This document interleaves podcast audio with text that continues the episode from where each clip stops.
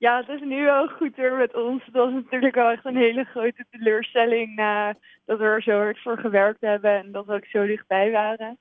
Ehm, maar uiteindelijk is iedereen vooral heel erg blij met het vette jaar dat we hebben gehad. En we hebben allemaal heel veel geleerd en uh, super leuk team gehad. Dus uh, uiteindelijk is iedereen nu gewoon wel heel blij. Oké, want wanneer kon die knop om? Uh, ja, het lukte al wel redelijk snel, maar uh, ja, het ging, want we zijn toen, toen het was gebeurd, zijn we naar Adelaide toe gereden. Mm -hmm. En toen zijn we nog wel met de nummerplaat die eigenlijk als enige over was, over de finish gegaan. Ah. Dus op die manier al wel snel de knop omgezet, maar het duurt natuurlijk wel even om het echt helemaal te beseffen en te accepteren. Ja, want even voor iedereen die onder een steen heeft geleefd. Uh, jullie zijn mee gaan doen aan de, de, de, de, de, de, uh, ja, de, de, de Solar Race. Ik weet nooit zo goed hoe ik dat moet zeggen. Want jullie zijn het Vattenfall Solar Team. Maar dat is uh, een race ja, met zonneauto's die achter elkaar aanracen. 3000 kilometer door de, de Australische Outback. Um, ja. En nou ja, goed, als ik kijk naar de resultaten uit het verleden... hadden jullie zelfs nog wel kans om te winnen, wat dat betreft. Um, maar zo'n 250 ja, kilometer voor uh, Adelaide ging het uh, helemaal mis. Ja, klopt. Het was echt een super spannende race. Dus uh, we lagen heel dicht vooral bij uh, Agoria, dat is het team uit België. Ja. en we lagen net een paar minuten op hun voor. Dus de kans was wel echt vrij groot dat we gingen winnen.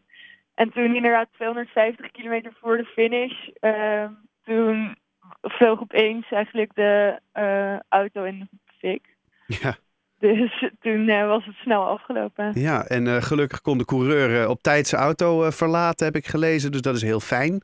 Um, maar ik kan me wel voorstellen ja. dat jullie... Ik bedoel, wat gebeurt er op zo'n moment? Waar zat jij op dat moment?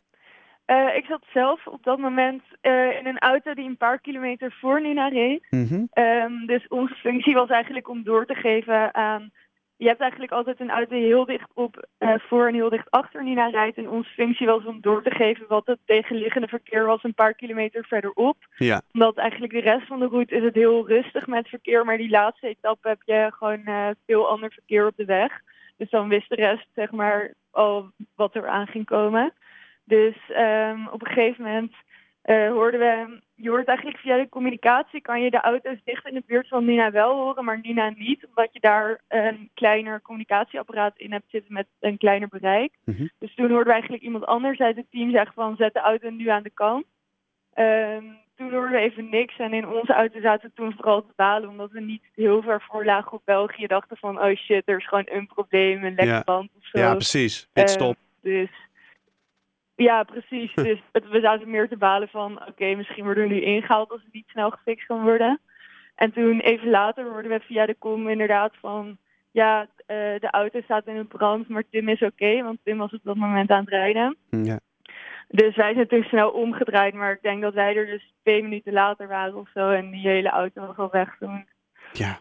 Ja, maar ik, ik lees dat uh, Tim die zei nog van, uh, het is een, uh, een zielig hoopje zonneauto wat er uiteindelijk over, over is gebleven. Ja, klopt. Er was echt niks meer van over. Jeetje. Ja, en daar heb je dan een jaar voor gewerkt, inderdaad. Ja. Ja, en dan inderdaad, nou goed, de, de, ja. de knop moet een keer om. Want je moet natuurlijk ook, hè, ik bedoel, het blijft natuurlijk wel een, een ongelooflijk mooi avontuur. Maar jullie moeten er ook achter zien te komen, ja, waardoor dit nou gekomen is. Want dat ja, is nog niet zeker. helemaal duidelijk, hè? Want nee, we weten wel dat het bij de accu in ieder geval begon. Want ja, dat zag je eigenlijk meteen. Het begon ook op de plek waar de accu zit in mm -hmm. onze auto. Um, maar eigenlijk alle data van echt tot secondes voor het gebeurde zijn allemaal normaal. De temperaturen waren normaal. Um, dus dat is een beetje gek. Hmm. Um, dus we zijn er op dit moment nog niet achter. Maar er is nu een soort van groepje uh, gaat die hiervoor verantwoordelijk wordt als het ware. En die gaan nu uitzoeken waar het vandaan komt. Want je wilt natuurlijk wel, zeg maar als we er nu achter komen waardoor het komt, is het uiteindelijk ook wel weer juist vet dat we zoiets de wereld, zeg maar, dat iedereen dat te weten kan Ja. komen en dat het niet bij andere mensen ook gebeurt. Nou, ja, precies. En, en als ze hem heel klein houden, dan kun je ervoor komen dat het volgend jaar weer gebeurt. Want ik ga er ergens vanuit dat jullie, eh, of tenminste eh, de, de, de universiteit, volgend jaar ook weer meedoet. Ja, ja, zeker. Toch? Ja. Hey, Ja, en ehm, je zit nu nog in Australië. Eh, wanneer komen jullie weer terug? Het verschilt heel erg per persoon. Eigenlijk is iedereen nu vakantie aan het houden en het verschilt per persoon uit het team hoe lang dat duurt. Maar eh, ja, de meesten zitten nog wel eventjes uh, hier in de regio. Nog even lekker chillen daar. Ja, precies. Heerlijk. Nou, dan kan ik me voorstellen dat de knop ook wel weer uh, redelijk om is. Dus jij zit nu niet in een soort diepe depressie in, in, in Australië nog steeds te balen? Nee, nee. Het is nog steeds wel echt super jammer. Maar nu ben ik lekker op vakantie. Dus. Kijk, lekker. Ja. Nou, dan uh, ga ik je daar niet langer meer van afhouden. Dank je wel voor, uh, voor het, het, terugblikken op deze toch wel bijzondere afloop van, uh, van deze race. En ja, nog een hele fijne vakantie daar. Ja, heel erg bedankt. Fijne dag nog.